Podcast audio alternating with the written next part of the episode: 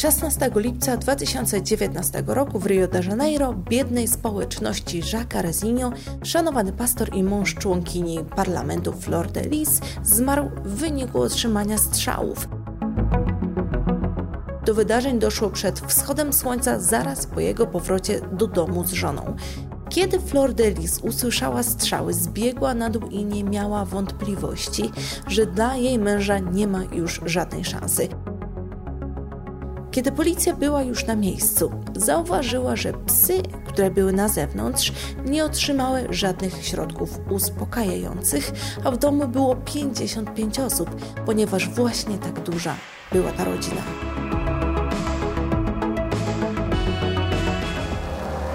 Dzień dobry, hej, cześć, jak się macie? Dzisiaj mam dla Was sprawę, którą przygotowywałam bardzo długo, dlatego że była dla mnie bardzo interesująca, ponieważ znajduje się w niej tak szeroki wachlarz zaburzeń w rodzinie, zaburzeń osobowości i wiele innych nieprawidłowości, które napędzały mnie do długotrwałego, nocnego i dziennego researchu y, z przerwami na lecz i gorącą czekoladę. Oczywiście, jeżeli zrobiliście, to y, daję ok, jeżeli nie, to wróćcie do poprzedniego odcinka. Dzisiaj usłyszymy, jak skomplikowana i wielopoziomowa jest prawda i przypomnimy sobie, że dobro koegzystuje ze złem i wcale go nie wyklucza. Dlatego dzisiaj postaram się nie oceniać, a przedstawię Wam raczej fakty jak najbardziej obiektywnie jestem to w stanie zrobić. Witam Was w kolejnym odcinku z serii Krew, Róż i Tusz. Tutaj w każdy piątek o godzinie 17 usłyszycie kolejną intrygującą historię kryminalną, a ta dzisiejsza dotyczy Flor de Lis dos Santos, kobiety, która wychowywała 55 dzieci i wyszła za mąż za syna, który nie tylko mówił do niej mamo, ale również stał się liderem siedmiu kościołów. Kiedy Flor de Lis była u szczytu swojej kariery i zajęła miejsce w parlamencie, jej 16 lat młodszy mąż zmarł w wyniku otrzymania 30 ran postrzałowych. W tej sprawie nie ma wątpliwości, że wiara będzie odgrywała bardzo istotną rolę, tak samo jak to jest właśnie w Brazylii. Ewangeliści silnie zaznaczają swoją obecność w tym państwie, mają silną wiarę i przekonania, a wiadomo, z dużymi wpływami wiążą się bardzo pokaźne zyski.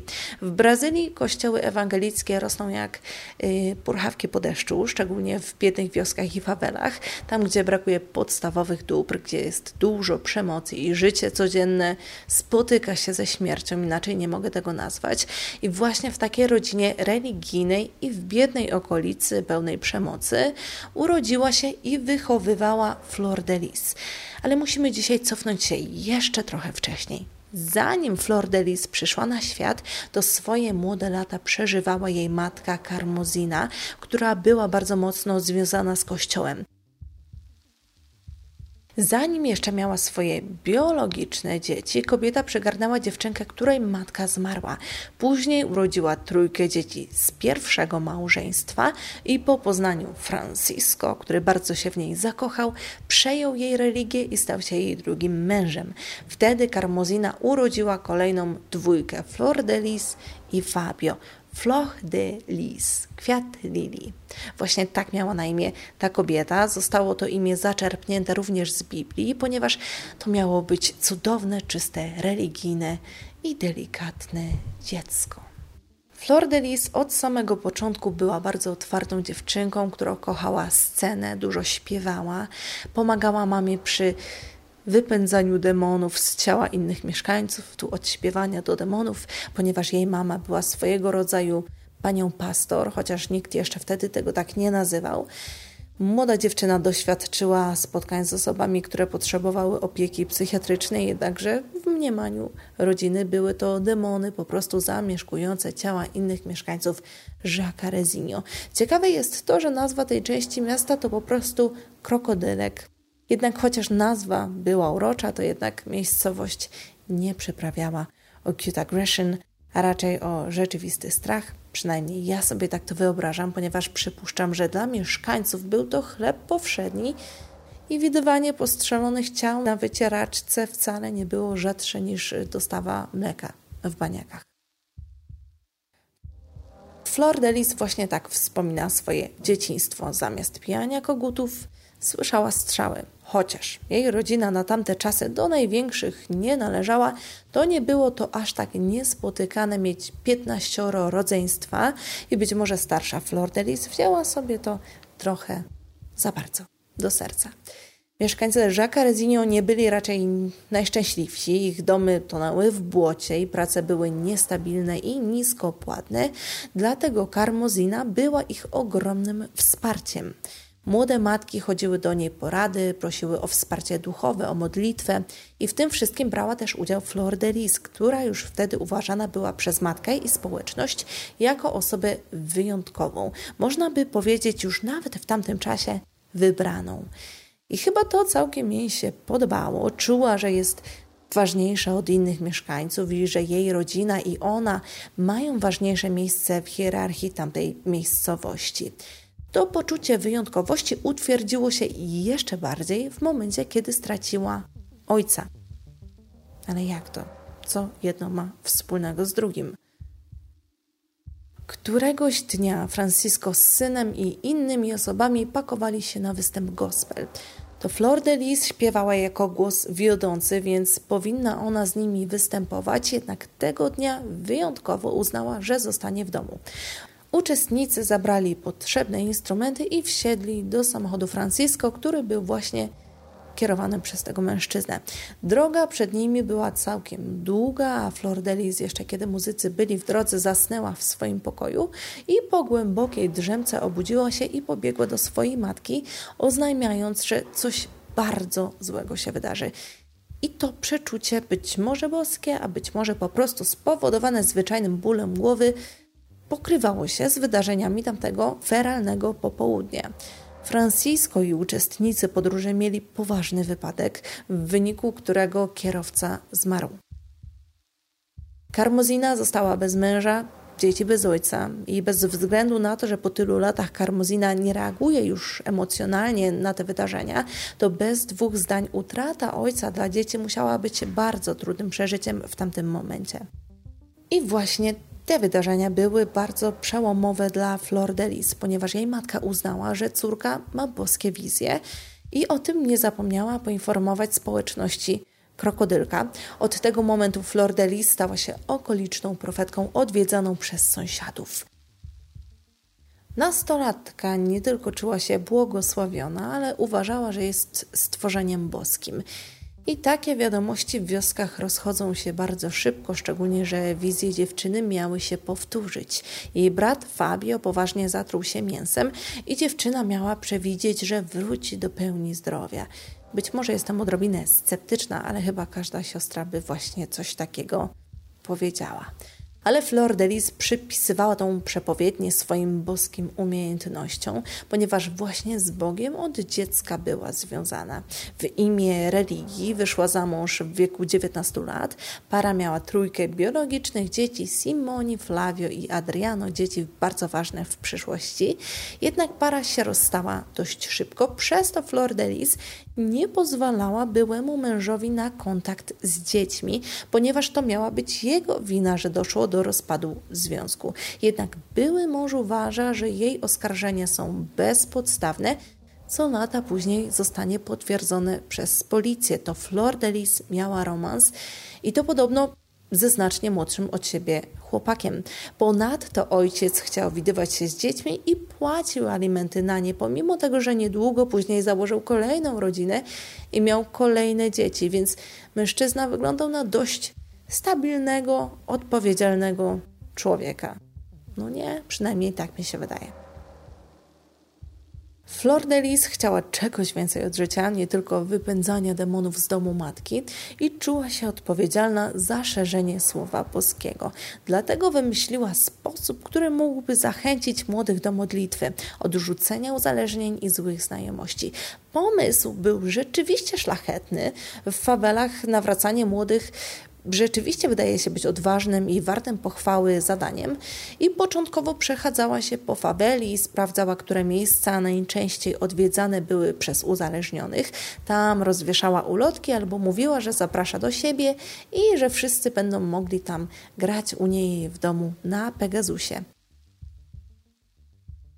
pomysł wypalił. Na początku przede wszystkim to chłopcy odwiedzali Flor de Lis, która opowiadała im o Bogu i o tym, jak pomaga w chronieniu ich duszy przed potępieniem. Kobieta zbliżyła się szczególnie do jednego z chłopców, który był uzależniony od substancji niedozwolonych. Kobieta uznała, że dobrą taktyką będzie zamykanie go w pokoju, tak żeby nie mógł wyjść na zewnątrz i znowu używać. I chociaż nie miała przeszkolenia, jak rodzić sobie z osobami uzależnionymi, to robiła co mogła, żeby ich powstrzymać i nawrócić na dobrą drogę. Chłopcy zaś, którzy mieli trudne przeżycia lub przychodzili z rodzin, które niekoniecznie się nimi interesowały, zostawali coraz dłużej i niektórzy z nich w ogóle już do domu nie wracali.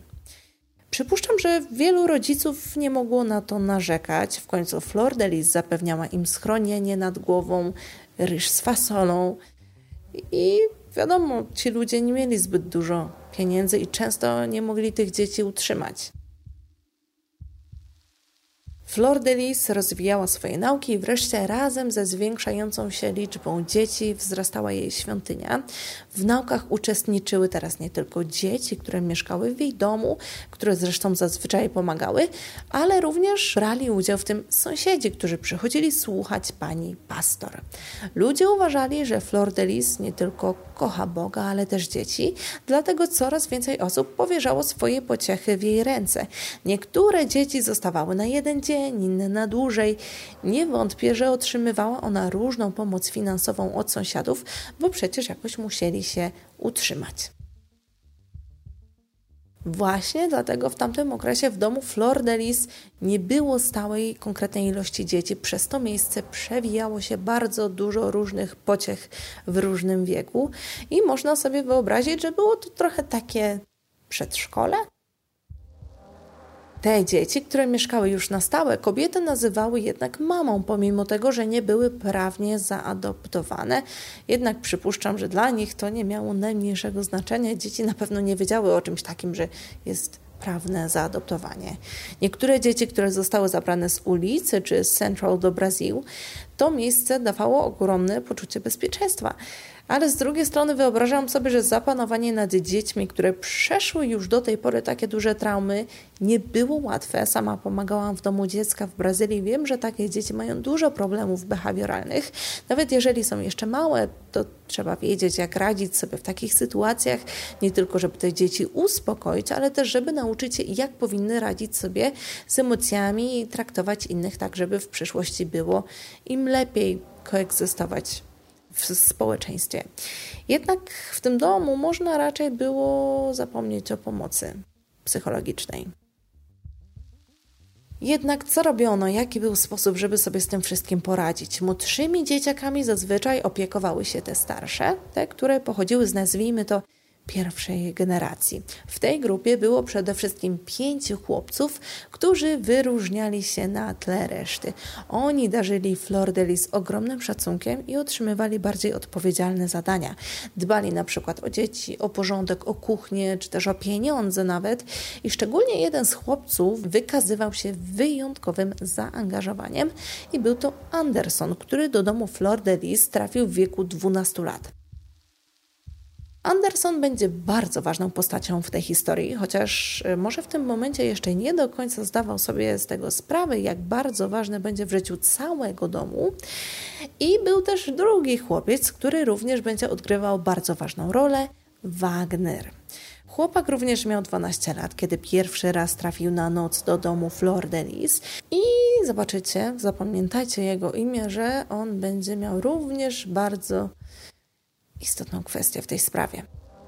I ci chłopcy, którzy już tam byli przez jakiś czas, dawali znać o tym miejscu innym znajomym, którzy schronienia potrzebowali. Jestem jednak ciekawa, jak to wyglądało, jak taka osoba przychodziła, stuku puku, stuku puku, dzień dobry, y, jest miejsce dla mnie, czy może jakaś rozmowa rekrutacyjna. W każdym razie, im więcej w domu dzieci się pojawiało, tym bardziej Flor de Lis obarczała obowiązkami dzieci, a sama większość dnia spała w swoim pokoju. A to dlatego, że przeszła ogromną przemianę. Przynajmniej właśnie tak sama twierdziła. Początkowo nazywała siebie kobietą siódmego nieba, a później Keturieni, ponieważ miała widzenie i doszło do jej przemiany. Na ziemię przybyła, żeby dokonać misji, sprowadzić inne dusze do nieba. Poza tym otrzymywała wyjątkowe moce, które sprawiały, że widziała wszystko, co robiły jej dzieci.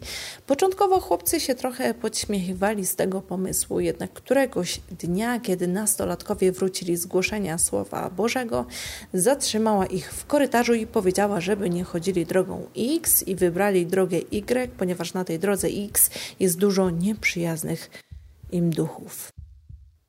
Ketury nie chciała sprawić, że chłopcy teraz będą jeszcze bardziej jej podlegli, ponieważ przecież nie tylko cały czas ich widzi, ale też słyszy ich myśli. I jej przemiana wiązała się też z przemianą jej biologicznej córki Simoni w Braille. Flor de Lis wykończona mocami sypia dużo w ciągu dnia. Przychodzi mi na myśl, że właśnie Flor de Lis chciała być taką królową pszczół i w rzeczy samej tak właśnie była traktowana. Pszczółki pracowały, a ona odpoczywała w jej pokoju. Jej głównym zadaniem było dawanie nauk w kościele i śpiewanie. Żeby zaznaczyć wyjątkowość niektórych dzieci, Flor de Lis zmieniła ich imiona. Jednym z tych wybrańców był Wagner, który również pomagał w kwestiach finansowych, już Wam o nim wspomniałam. Zresztą historia Wagnera jest fascynująca z psychologicznego punktu widzenia, ponieważ nie pochodził on ani z rozbitej rodziny, ani z takiej, która byłaby wysoko dysfunkcyjna. Z tego co wiemy, rodzice martwili się o niego od samego początku. I kiedy zaczął odwiedzać dom Flor de Lis, kiedy przestał wracać do domu, ojciec zebrał pieniądze, żeby mógł teraz już chłopak grać w domu na tej konsoli, a nie u nieznanej mu kobiety. Jednak nawet to nie sprawiło, że Wagner wrócił do domu. I tak mnie zastanawia, co było tak naprawdę powodem tego, bo Wygląda na to, że ta rodzina była całkiem w porządku. Oczywiście nie mieli dużo pieniędzy, a Wagner nie chce nagle wracać do domu tylko ze względu na Pegasusa. Mm, nie wiem, nie pasuje mi tutaj coś. Musi być jakiś dodatkowy powód. No ale wreszcie rodzice poszli na policję, żeby zgłosić porwanie ich syna, no bo nie może tak być. Ale jak wiecie, policja w takich rejonach albo wiecie, albo nie wiecie, nie ma zbyt dużej władzy i raczej nie interweniuje w takich przypadkach. Policja zajmuje się raczej codziennymi zgonami mieszkańców i strzelaninami. Zresztą Flor de Lis znana była już w całej okolicy i przecież tylko pomagała dzieciakom. Pomimo tego buntu pary, Flor umacniała w wierze siebie, dzieci, ludzi dookoła, teraz już nie tylko w Jacarezinho, ponieważ jej historią zainteresowało się też Globo, największa stacja telewizyjna w Brazylii. Nagłówki gazet i odcinków show brzmiały Kobieta z 55 dziećmi adoptuje je nie oczekując niczego w zamian. Wow! Dzieci pojawiają się w telewizji, ledwo mieszczą się w studiu, jest ich ponad 40, a Flor de Lis jeszcze przed wizualną przemianą zamierza tą sytuację przemienić w dodatkowe źródło zarobku. I Brazylijczycy, uwaga, się w niej zakochują i oferują pomoc finansową dla rodziny, którą udało jej się wykorzystać. Jednym z głównych wspierających był Pedro Wernek, który sprawiał, że rodzina miała co jeść. Jednak popularność niesie ze sobą również odpowiedzialność i dodatkowe pytania. Jak kobieta była w stanie prawnie zaadaptować aż 55 dzieci? Czy ma warunki, żeby się tymi dziećmi zajmować? I rzecz jasna, na te pytania odpowiedź była klarowna: nie. Zdesperowana Flor de Lis prosi słuchaczy o pomoc prawną w załatwieniu dokumentów adopcyjnych. Jednak w związku z faktem, że teraz Flor de Lis jest poszukiwana przez policję i że dzieci żyją w złych warunkach, pomoce finansowe przestały spływać w jej stronę, więc y, z cudownej kobiety stała się kobietą, która po prostu zabrała dzieci bez woli rodziców. W sprawie nie chodziło tylko o bezsensowną biurokrację, ponieważ dzieci potrzebowały stabilności, potrzebowały iść do szkoły, potrzebowały opiekuna, który będzie mógł te dzieci odwiedzić w razie, gdyby były chore w szpitalu. Jednak chyba Flor de Lis nie za bardzo brało to na serio do momentu, kiedy Pedro Wernek również odciął przypływy pieniędzy. I poprosiła wtedy Andersona, tego chłopaka, o którym pamiętacie, żeby zadzwonił do mężczyzny i mu wytłumaczył, że jeżeli ten nie będzie im pomagał finansowo, to dzieci trafią na ulicę, ponieważ ona nie będzie mogła prawnie się nimi zajmować. I to jest prawda, ona ma rację w tej kwestii, tylko że Zobaczycie, że wcześniej, teraz i później będzie korzystała cały czas z tego samego argumentu i nie tylko będzie o tym mówiła do osób z zewnątrz, ale będzie dokładnie to samo mówiła względem swoich dzieci w domu. Będzie po prostu te dzieci straszyła w ten sposób. Więc e, wybaczcie mój ton głosu, ale po prostu aż się, się zdenerwowałam się. Flor de Lis razem z rodziną opuścili dom. Ponad 50-osobowa rodzina zaczęła uciekać przed policją dzieci uciekały przed policją. Poza jedną córką, która była bardzo chora i potrzebowała interwencji lekarzy. I Flor Delis uznała, że zostawi ją w starym domu, tak żeby lekarze mogli jej pomóc, kiedy policja znajdzie ją w starym budynku. I odkrycie tej dziewczynki jeszcze bardziej rozwścieczyło opinię publiczną i policję, chociaż być może w tej sytuacji była to lepsza opcja niż e, podróżować z tym dzieckiem, uciekać przed policją z chorą dziewczynką. Nie wiem. Nie wiem, co jest gorsze. Flor de Lis, żeby otrzymać możliwość adopcji tak dużej ilości dzieci, musiałaby spełniać warunek odpowiedniej wielkości mieszkania, żeby zmieścić całą rodzinę. O tym w zasadzie mogła zapomnieć, ponieważ nie było ich stać na zakup czegoś takiego na zakup domu.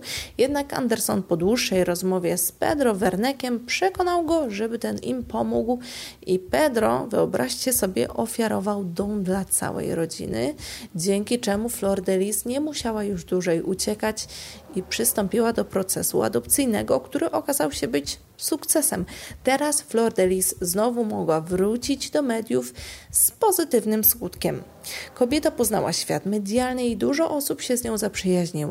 Nie tylko miała wsparcie osób najbiedniejszych i niewyedukowanych z Jacques Reziniu, ale też tych, którzy przedstawiali zupełnie inne środowisko, mając również ogromny wpływ na to, jak postrzegana była kobieta, jak tworzono jej yy, wizerunek medialny.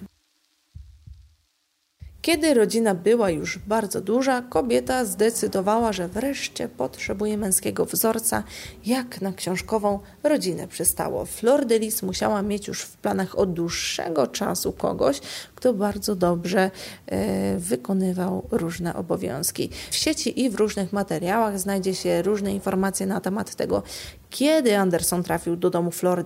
Niektóre źródła wskazują, że w wieku 16 lat, inne, że w wieku 12. Tak powiedziała też psycholożka Anna Beatrice, nazywała to po prostu pedofilią, ponieważ w wieku 15 lat był już w związku z Flor de więc musiałoby to oznaczać, jeżeli ta psycholożka powiedziała, że w wieku 15 lat dochodziło do stosunków między tym chłopakiem a Flor de oznaczałoby to, że musiał oczywiście trafić do tego domu wcześniej, więc nie mógł trafić w wieku 16 lat, no nie?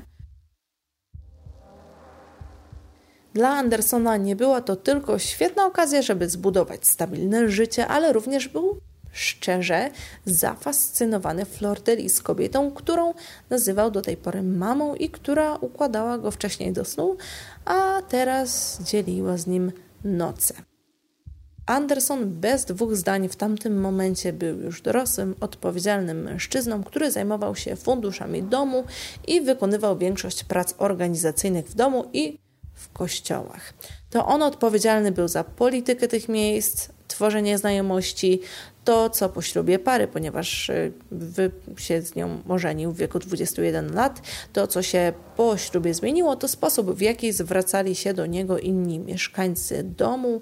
Teraz bracia nazywali go ojcem, który był praktycznie w tym samym wieku przynajmniej ci, którzy byli pierwszymi mieszkańcami. Para po ślubie zaczęła dodawać wspólne zdjęcia na media społecznościowe i po tym jak zaczęły pojawiać się pytania o ich dziecko, ci zdecydowali się na ciążę. Ale słuchajcie tego, y, urodził im się podobno syn o imieniu Daniel. Chociaż nie zrobiono badań DNA, podobno dziecko nie było owocem miłości tych dwojga. Aż to szok, aż to szokujące, ale się tego nie spodziewałam po nich. W ogóle niczego się nie spodziewałam po nich. Podobno dziecko nie było owocem miłości tych dwojga. Matką chłopca miała być Janina Manuel, która oddała nowonarodzonego syna do Flor de Lis, która powiedziała, że będzie jego prawdziwą matką. I od tego momentu, kiedy kobieta chciała odwiedzać dom Flor de Lis, zawsze napotykała trudności. Flor de Lis miała powiedzieć, że jeżeli kobieta nie przestanie odwiedzać jej domu, to ona ma przyjaciela Pedro, który odstrzeli jej dzieci. Kobieta ze strachu oczywiście zostawiła rodzinę. Po latach policji udało się udowodnić, że chłopiec Daniel rzeczywiście był synem e, Janiny i rodzina Flor de Lis zmieniła miejsce urodzenia dziecka, tak żeby dokumenty się zgadzały. Tym samym popełnili oni przestępstwo, porwania dziecka. O tym rzecz jasna w tamtym czasie nie było jeszcze wiadomo nikomu, dopiero, dopiero po latach. Flor de Lis w tamtym czasie dzięki długotrwałej pracy w kościołach wsparciu męża i mediów spełniała swoje największe marzenie stanie się międzynarodową piosenkarką gospel. Kobieta zarabiała mnóstwo pieniędzy, a kościoły co miesiąc fakturowane były na kwoty mniej więcej 6 milionów. Kwestiami pieniężnymi zajmował się Anderson i wraz ze zmianą rzeczywistości przychodzi również zmiana wizerunku Flor de Lis, kiedy wszystko wzrasta jej kariera, która teraz nosi tylko rude peruki, przechodzi operacje plastyczne, które sprawiają, że wygląda naprawdę promiennie i świetnie się prezentuje w świetle reflektorów. Kolejni chłopcy stają się pastorami innych gałęzi kościoła, a Flor de Lis pragnie jeszcze bardziej rozwijać swoje wpływy. Jej kolejnym krokiem milowym staje się zostanie członkinią parlamentu. Żeby zdobyć głosy, kobieta tworzy amatorski film na temat jej rodziny, a w tym materiale biorą udział jej znajomi aktorzy, którzy początkowo pozytywnie zapatrują się na ten pomysł, jednak po nagraniach tego żałują, ponieważ film nie miał być komercyjny, a teraz Flor de Lis okazuje się, że chce, żeby pojawił się w kinach i na płytach do sprzedaży. Wygląda na to, że Flor Delis chce sprzedać jak najwięcej płyt, żeby kupić nowy dom, chociaż najwyraźniej jej plany nie idą tak gładko, jak sobie to wyobrażała. Zbyt yy, nie jest aż taki wysoki i teraz Anderson sprzedaje na lewo skopiowane płyty w swoim kościele, o czym dowiaduje się też reżyser, który przecież powinien dostawać pieniądze za sprzedaż, ale Anderson chyba nie do końca się tym przejmuje. Najważniejsze dla pary jest to, żeby zdobyć pieniądze na spełnienie ich marzenia. Flor Delis idzie o krok dalej i zakłada kanał na YouTubie, mając nadzieję, że jej wpływy rozszerzą się na cały kraj. W 2018 roku Anderson, chociaż stara się działać jak najwięcej to możliwe, cały czas czuje się fatalnie. Pojawiają się gorączki, policzki się zapadają, mężczyzna traci na wadze, ale i tak nadal wspiera Flor de Lis w jej działaniach, szczególnie tych związanych z parlamentem. W końcu potrzebuje rozwijać swoją kampanię. Niektórzy mówią, że Anderson za bardzo się stresuje, dlatego pojawiają się u niego problemy gastryczne. Poza tym miał on mieć wybuchowy charakter, miał się bardzo dużo denerwować, czego raczej w telewizji i mediach społecznościowych nie zobaczymy. Dzieci jednak w zeznaniach niektóre dzieci powiedzą później, że to różniło się od rzeczywistości. Jednak kolejną kwestią było to, co tak naprawdę spowodowało te problemy gastryczne u pastora. Czy rzeczywiście był on po prostu zestresowany?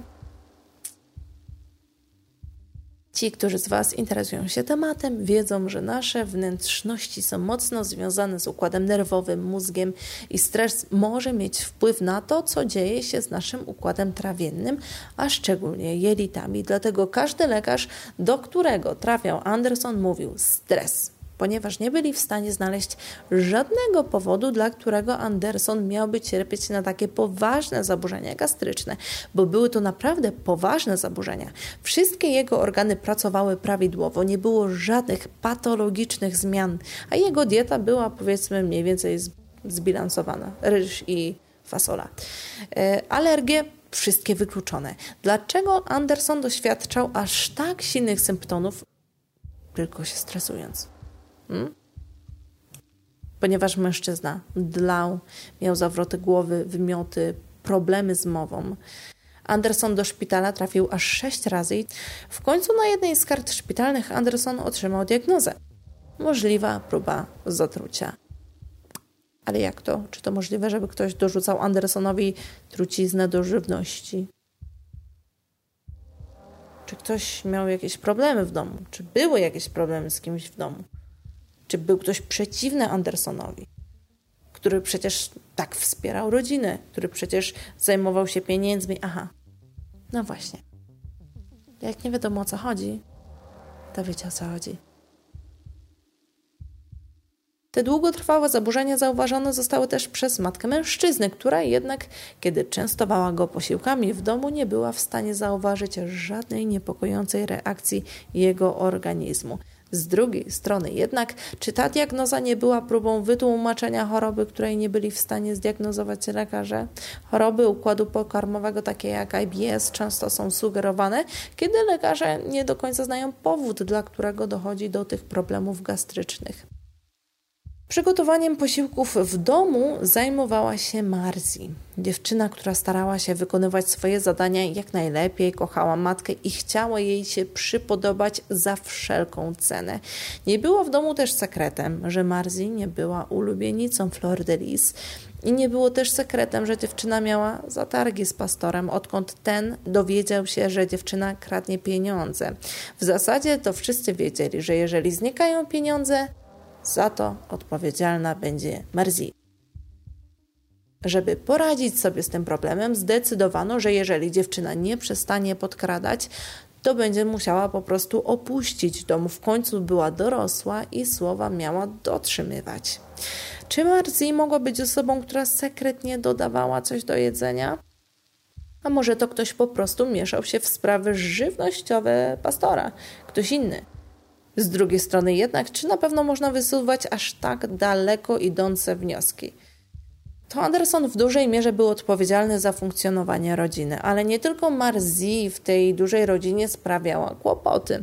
Chłopcem, który nie był lubiany przez Andersona, był Lukas, wcale nie tak dawno adoptowany 16-letni chłopak, który na swoim koncie miał już problemy z prawem całkiem poważne, ale Lukas nie mieszkał już dłużej w domu Flor de Lis. Miał się wyprowadzić i tylko czasami do domu miał wpadać, pomagać albo po prostu oddawać swoje ubrania do prania. Ubrania do prania, aż mi się nawet rymuje. Lukas nie przepadał za pastorem, to wszyscy wiedzieli. Miał powiedzieć nawet któregoś dnia do Marzi, że jeżeli ten przyjdzie do jego domu, to on z nim skończy. Te słowa miał wypowiedzieć po tym, kiedy został oskarżony przez Andersona o kradzież auta spod domu Flor de Lis. Ale pomimo tych trudności nie oznaczało to przecież, że chce się zemścić na pastorze. Nastolatkowie, szczególnie po przejściach, sprawiają wiele trudności, przechodzą przez trudne momenty i rodzice muszą podejmować działania, żeby pomóc im wejść w życie dorosłe w sensowny sposób. Zresztą wyobraźcie sobie mając 55 dzieci, tylko dwoje sprawiało ofic oficjalne problemy. Wydawało mi się, że wszystkie dzieci sprawiają problemy, kiedy mają po 15 lat. No nie? Czy nie? Anderson zawsze publicznie w dobry sposób wypowiadał się na temat rodziny, na temat żony, był dumny z tego, co osiągnął, z tego, co osiągnęła jego rodzina, chętnie ich przedstawiał, zawsze całował żonę, zawsze się szeroko uśmiechał. W ogóle jestem ciekawa, czy są psycholodzy, którzy badali jego typ osobowości, ponieważ widziałam wywiady psychologów na, na temat Flor de Lis, jednak jeszcze nie widziałam nic na temat Andersona. A mojej opinii brakuje, dlatego że rzeczywiście na nagraniach, które widziałam, wygląda na normalnego człowieka, który kocha swoją żonę, a to ona raczej go odrzuca i ona nie jest chętna do zbliżenia. Ale są to oczywiście tylko szczątkowe informacje, nie odkryję Ameryki, jak powiem, że zachowanie przed kamerą jest czymś innym niż zachowanie w domu, tak samo jak zachowanie u sąsiada będzie inne niż przy e, kontakcie w domu, przy kominku. Niektórzy członkowie rodziny, kiedy dojdzie już do tych tragicznych wydarzeń, będą zeznawać, że pastor był zupełnie inną osobą w domu, porywczą, nieprzewidywalną, a przed kamerą tylko się szeroko uśmiechał. Tamtym czasie Dom Flor de Lis można było śmiało już nazwać prosperującą firmą. Dzieci otrzymywały zapłatę za różne prace i chociaż nie były to duże pieniądze, to jednak ten system im odpowiadał i działał całkiem fajnie. E, Szczególnie dużej części z tych dzieci, które były trochę ważniejsze, ponieważ były też dzieci, które traktowane były gorzej, były dzieci, które schodziły na drugi, trzeci, czwarty, piąty plan. I chociaż Marcy była jedną z tych bliższych dzieci Flor de Lis, to jednak nigdy nie czuła się ona bardzo blisko z tą kobietą. Dziewczyna starała się robić wszystko, o co prosiła ją matka, dlatego więc czy rzeczywiście złość względem Andersona była wystarczająca, żeby ryzykować miłość matki i jej zaufanie? Czy Marzi skrzywdziłaby męża jej mamy? Jednak czy na pewno Flor de Lis była tak bardzo przejęta dobrostanem męża? Kobieta przeprowadziła rozmowę SMS-ową z André, jednym z synów, w której można było przeczytać, że już nie może tego wytrzymać, na co syn odpisał, że współczuje, ale przecież nie da się nic zrobić. Ona na to, że właśnie nie, że właśnie się da. Syn zasugerował, żeby się rozstała z mężem, na co kobieta odpisała, że nie będzie ośmieszać Królestwa Boskiego. Podejrzenia, że ktoś próbuje targnąć się na życie Andersona, zaczęły coraz bardziej zaprzątać jego głowę i to podobno dlatego, że przypadkowo zauważył wiadomość na ten temat. Tą wiadomość zdecydował się sfotografować Wagner i razem z żoną później przekazali dowód na policję, ale to już kiedy będzie trochę późno. Wróćmy do samego początku odcinka. Był 16 czerwiec. Z nocy 15 na 16 czerwca Flor Delis i jej mąż według zeznań kobiety pojechali na Copacabana pospacerować, po czym doszło do stosunku między nimi, co okaże się być kłamstwem. Para tak naprawdę spędzała noc w miejscu, gdzie pary wymieniały się partnerami i partnerkami. Potem mieli wrócić do domu. Ich podróż zarejestrowano na kamerach. Flor Delis mówi, że w drodze powrotnej grała na telefonie i rozmawiała z mężem. Kiedy Anderson zaparkował pojazd, ta zabrała swoją torebkę, weszła do domu, zrzuciła buty, torbę, poszła do łazienki, później poszła do pokoju jej wnuka i tam zaczęli wspólnie rozmawiać. W tym czasie, kiedy kobieta zrobiła te wszystkie rzeczy, Anderson miał sprawdzać coś na telefonie. Strzały usłyszała cała rodzina, która rozproszona była po różnych pokojach. Na samym początku miała się kobieta tym nie przejmować, ponieważ strzały w okolicy były czymś normalnym, jednak zaraz potem Flavio przyszedł do pokoju, mówiąc, że coś jest nie w porządku. I zaraz potem André, który powiedział, że pastor został postrzelony. Daniel, biologiczny syn Flor de Lis i Andersona, jednak zeznaje, że zachowanie matki było co najmniej dziwne. Jej reakcje były bardzo sztuczne. Pogotowie wraz z Flor de Lis zabrali Andersona do szpitala i niedługo po tym kobieta otrzymała informację, że jej mąż już nie żyje. Dzieci zamknęły drzwi i okna w obawie, że doszło do włamania. Zresztą tak też Flor zeznawała. Niedługo później na miejscu zdarzenia pojawiła się policja i doszło do wstępnych przesłuchań.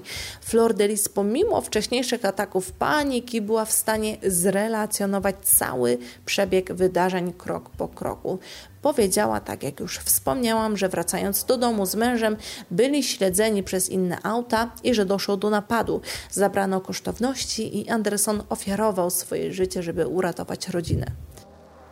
Te zeznania nie były dla funkcjonariuszy ani trochę wiarygodne, szczególnie, że na miejscu zauważono, że strzałów nie było sześć, a znacznie więcej, przynajmniej z 15.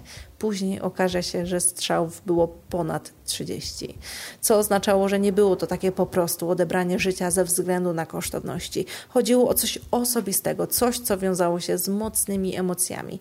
Poza tym dodatkowo wskazówka już pierwszego dnia mm, psy, które chroniły dom, ani nie szczekały w trakcie rzekomego ataku, ani nie otrzymały żadnych środków odurzających, co oznacza, że albo znały tego kogoś, kto z zewnątrz się pojawił bardzo dobrze, albo był to po prostu ktoś z domu.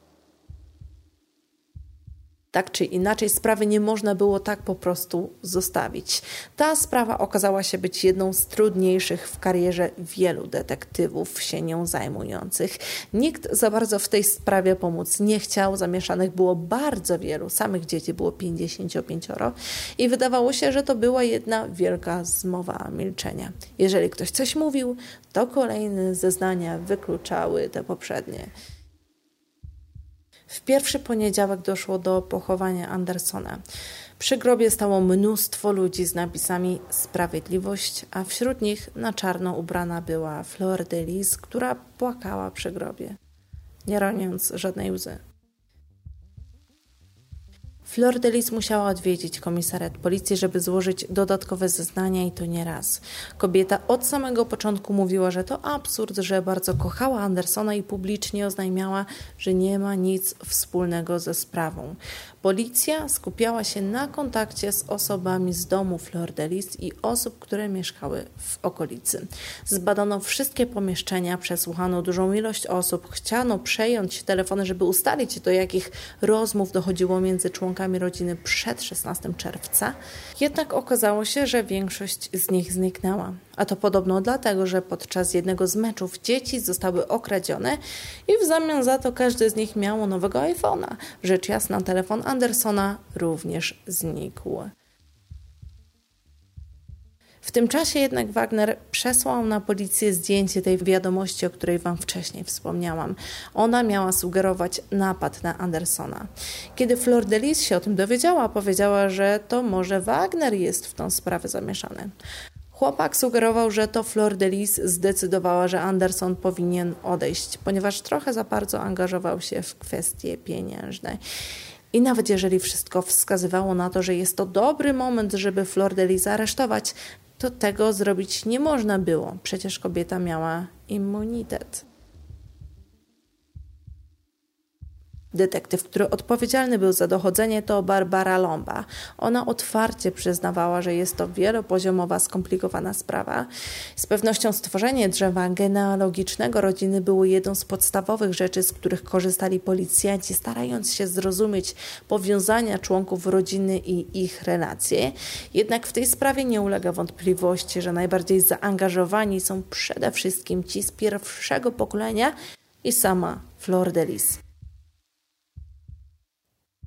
Jeszcze na początku dochodzenia, kiedy policjanci badali dom, jeden z pracowników rozpoznał jednego z synów kobiety, Lukasa. Jak pewnie pamiętacie, to on w przeszłości miał problemy z prawem, a dokładnie z substancjami niedozwolonymi. Chłopak dopiero co skończył 18 lat i nie czekano zbyt długo z jego zabraniem na policję i dokładnym przesłuchaniem, ponieważ udało się już do tej pory odkryć nagranie, na którym Lukas w czasie, kiedy doszło do odejścia jego ojca, najpierw idzie do domu z torbą, a później szybko wychodzi bez niej. Przypuszczano, że być może to on rzeczywiście odebrał życie mężczyzny, szczególnie, że już wcześniej wspomniał podobno, że byłby w stanie to zrobić. W pokoju przesłuchaniego mowa ciała jest zamknięta. Chłopiec wcale nie jest odważny, wręcz przeciwnie, odpowiada zdawkowo. Jego historia nie do końca się klei. Mówi jednak, że jest ktoś, kto według niego mógł to zrobić, ponieważ miał dostęp do broni. Był to biologiczny syn Flor de Lis, Flavio, który niedługo później trafia na komisariat i siedzi tuż obok Lukasa. Ma szeroko otwarte nogi, wygląda na pewnego siebie i mówi, że to Lukas załatwił broń, którą zresztą policji rzeczywiście udało się później znaleźć w pokoju Flavia. Ale Lukas mówi, że nie miałby nawet pieniędzy, żeby taką broń załatwić. Skąd miałby mieć pieniądze? To byłby wydatek rzędu około 8 tysięcy późniejszych zeznaniach innych osób dowiemy się, że chłopak owszem nigdy nie dostawał żadnych pieniędzy od rodziny. W czasie, kiedy przygotowywane jest oskarżenie względem chłopaków, nie ma już prawie wątpliwości, że chłopcy bezpośrednio są związani z odebraniem życia Andersona. Dochodzi do odkrycia kwestii podtruwania Andersona przez Marzi to ona w sieci wyszukiwała takie rzeczy jak łatwa podtrutka do kupienia, arszenik. Spekuluje się do dzisiaj, że te frazy były wpisywane tak naprawdę przez Flor Delis, jednak ani ona się do tego nie przyznała, ani też Marzi. Za to do tego przyznała się biologiczna córka Flor Delis, Simoni, która powiedziała, że szukała tej informacji, ponieważ chciała pomóc umrzeć psu jej koleżanki, której psiak bardzo chorował. W trakcie tych działań udaje się znaleźć odciski palców na broni znalezionej w pokoju Flavia. Należały one w 100% do właściciela tego pokoju. To on pociągnął za spust. Nie było innej możliwości. Do tego jednak Flavio bezpośrednio się nie przyznał, jednak wytłumaczył, jak do tego miało dojść, do tego wypadku. Na początku nie miał na celu odebrania życia jego ojca, ponieważ zobaczył Lukasa, który przyszedł do domu. Sam osiemnastolatek powiedział, że chciał zostawić brudną odzież w domu do wyprania o trzeciej nad ranem. No ale dobra, w każdym razie Flavio idzie za chłopakiem, który podobno pomógł mu w zdobyciu broni. Mm, kolejna dziwna rzecz. I zamierza strzelić w jego stronę. Podobno sprawiał wiele problemów w domu. Zamierzał z tym skończyć, jednak kiedy zszedł na dół, zauważył, że Lukasa już nie było, gdzieś uciekł. Za to był ojciec Anderson, którego chłopak nienawidzi. Ale dlaczego on nienawidził Andersona? O tym przecież wcześniej nikt nie wspominał.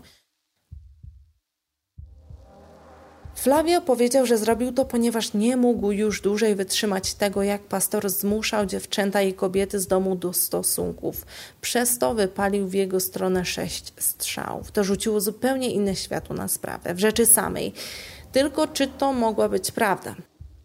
Jak wiadomo, w tej sprawie ile ludzi, tyle opinii, a ludzi było aż 56 w domu. Y, trudno było oddzielić ziarno od plew. Strzałów było znacznie więcej niż ktokolwiek zeznawał. Kwestia numer dwa. Zazwyczaj oskarżony nie chce się w zupełności przyznać do prawdy. Z dużą dozą prawdopodobieństwa wszystko było zaplanowane. Zresztą dużo dowodów na to wskazywało. Sama Flor Delis zarówno na przesłuchaniach, jak i w telewizji kłamie, ale po prostu w tak nieudany sposób, że trudno aż w to uwierzyć, że dorosły człowiek tak sztucznie płacze dzieci lepiej udają. Ale pomimo tego, że kobieta kłamie, wokół siebie ma mnóstwo osób ją wspierających bardzo mocno.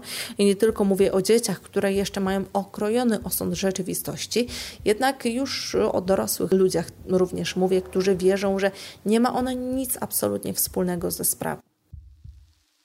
Kobieta stara się jak może, żeby odciągnąć uwagę od oskarżeń w jej stronę, ponieważ czuje, że grunt pod jej nogami zaczyna się zawalać. Wreszcie nawet doszło do tego, że kobieta straciła immunitet, co było bardzo ważnym i odpowiedzialnym ze strony innych członków Senatu działaniem. Kobieta zostaje zabrana z jej mieszkania, które tak poza tym jest naprzeciwko mieszkania mojej znajomej, i bezpośrednio e, Flor trafiła do aresztu.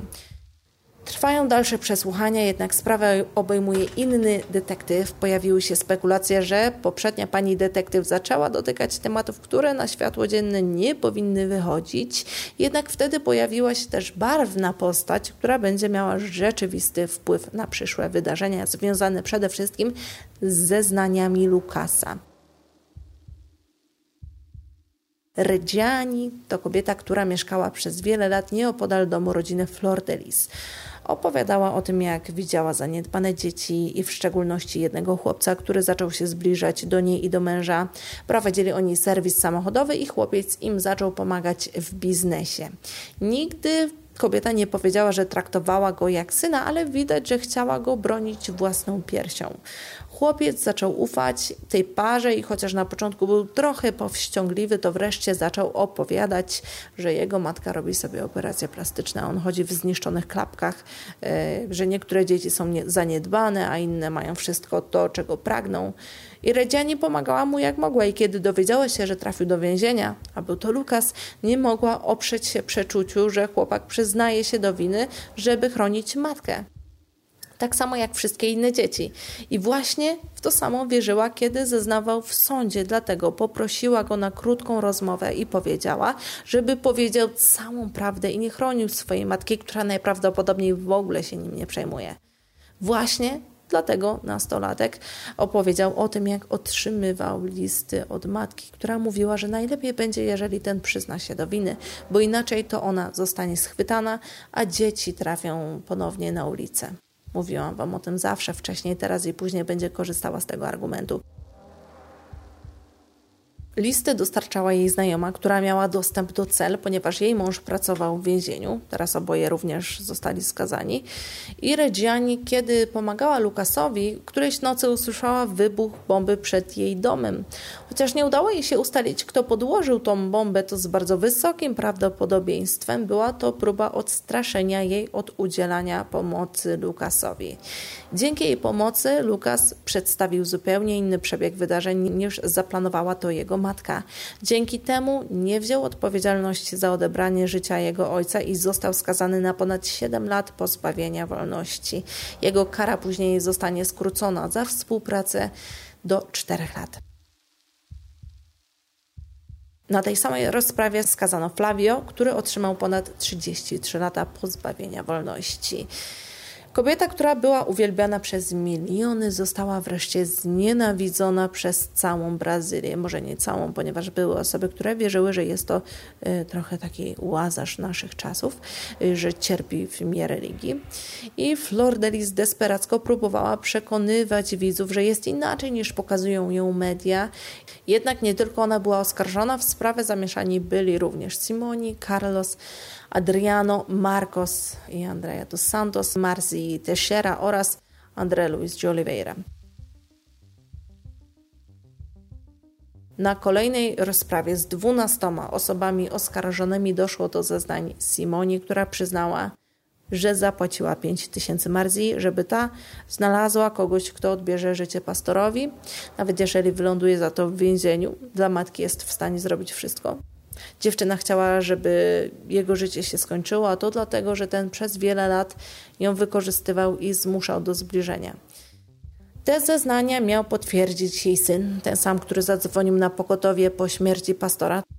Widział, jak pastor miał się samozadowalać przed jego matką, a Simoni powiedziała, że do tych sytuacji dochodziło od wielu lat, a zaczęło się to w momencie, kiedy była chora na raka. Jej leczenie było bardzo drogie i pastor powiedział, że zapłaci za nie tylko jeżeli ta będzie robiła dokładnie to, co on jej każe. Kobieta powiedziała, że nie miała wyboru. O tym jednak nie miała wiedzieć jej matka. Simoni poza tym przyznała się do wyrzucenia telefonów sióstr, braci i telefonu Andersona, a to wszystko po to, żeby zatrzeć ślady. To, że pastor zbliżał się do innych dziewcząt, potwierdziła również Hayani, która miała być przez niego także wykorzystywana. Kiedy Flor Delis jednak się o tym dowiedziała, nie skomentowała tego w żaden sposób, tylko korzystając e, z rady prawniczki, powiedziała, że pastor również zmuszał ją do aktów, które jej się nie podobały. Nie powiedziała ani słowa na temat tego, czy czuje współczucie względem córek, czy nie, czy w ogóle ma gdzieś to w nosie, czy pod pachą, czy za uszami w ogóle szok. Kobieta skupia się przede wszystkim na swoich przeżyciach i nie ma żadnego współczucia względem innych, nawet swoich biologicznych dzieci. Na sprawie przedstawiono wiadomość, którą napisała Flor de Lis w noc odejścia pastora. Tak jak ustaliliśmy, 8.30. Tak jakby to był sygnał do tego, że ma dojść do odebrania jego życia. Kiedy usłyszałam wywiady kobiet, które mówiły o wykorzystywaniu, dla mnie były one bardzo przekonujące. Zarówno wywiad Simoni, jak i Hayani. Jednak wywiad Flor Delis był dla mnie nie do końca jasny, ponieważ była ona jego żoną, która świadomie z nim uczestniczyła w różnych eksperymentach łóżkowych i pozałóżkowych, co Trudno jest mi naprawdę to określić. E, zresztą kobieta stale kłamała. Ona ma dużo też botoksu na twarzy, więc nie w każdym momencie jest człowiek w stanie odkryć to, co się na tej twarzy dzieje. Co jednak zaburzyło mój spokój, to informacja, że Anderson, kiedy mieszkał na samym początku z Flor de Lis, zdecydował się na to, żeby się tam przeprowadzić, ponieważ chciał być bliżej Simoni. Wtedy był jej chłopakiem. Obczajcie to. Podobno o tym Flor de Lis nie wiedziała, ale nie wiadomo na ile można jej w to wierzyć. W wyniku dochodzenia i zebrania ogromnej ilości materiałów dowodowych Flor de Lis dos Santos Souza została skazana na ponad 50 lat pozbawienia wolności za zabójstwo potrójnie kwalifikowane, usiłowanie zabójstwa podwójnie kwalifikowane, posługiwanie się fałszywym dokumentem i zbrojne stowarzyszenie przestępcze. Jej biologiczna córka Simoni dos Santos Rodriguez została skazana na ponad 31 lat pozbawienia wolności.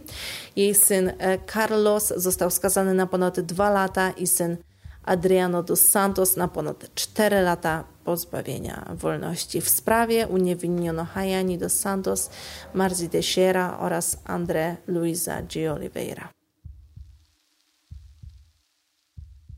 Kiedy Flor de Lis zabierana była do więzienia, mówiła, że jest niewinna, że dzieci stracą dom bez niej i błagała, żeby rodzina zadbała o kościół. Niedługo po tym jej ponad dwudziestoletni narzeczony razem z rodziną sprzedali kościoły, ponieważ nie byli w stanie ich utrzymać. Niektóre dzieci adoptowały inne i wątpię, żeby brakowało im pieniędzy, no chyba, że Flor de Lis nie podzieliła się z nimi niczym. Tymi pieniędzmi, które miała, a był ich ogrom. Flor Delis musiała ściągnąć swoją perukę i zrezygnować z botoksu. Dzisiaj w formie przynajmniej fizycznej pokazała swoje prawdziwe oblicze, jednak nadal nie przyznaje się do odebrania życia jej męża. I tak właśnie kończę kolejny odcinek, który był dla mnie bardzo interesujący. E, do przygotowania, do zrelacjonowania. Jeżeli macie ochotę, obejrzyjcie materiał na HBO. E, nazywa się on Ain't No Me Da My. Napiszę Wam to w opisie, jakby co. I na pewno są tam napisy po angielsku. Niestety polskich napisów nie ma. W każdym razie, jeżeli macie ochotę obejrzeć, to skorzystajcie z NordVPN. Jak zawsze z moim linkiem macie taniej hi, NordVPN działa świetnie, nie tylko po to, żeby zmieniać geolokalizację, ale żeby też oglądać e, różne filmy na HBO, Netflixie itd. itp., ale też chroni Wasze urządzenie przed cyberatakami i Wasze dane są bezpieczne. Chroni również przed wirusami, więc jest naprawdę wiele korzyści za jednym razem. Ja korzystam już dwa lata i jestem mega zadowolona. I obejrzyjcie ten materiał, bo chyba padniecie jak zobaczycie, jak, ej, czegoś takiego jeszcze nie widziałam. Ja już tyle filmów obejrzałam, ale żeby człowiek tak kłamał, tak jak ona to robi, to ja mam czasem taki, wiecie, totalny facepalm i mówię nie. Oglądałam to z moim chłopakiem, ten materiał i mówię nie. Co pięć minut zatrzymywałam, mówię ej, Widzisz, jak ona kłamie, czy nie? Jak obejrzycie ten miniserial, to zrozumiecie, dlaczego Brazylijczycy mówią, że Flor de Lis powinna dostać Oscara za aktorstwo. No naprawdę, Maxina mi opadła.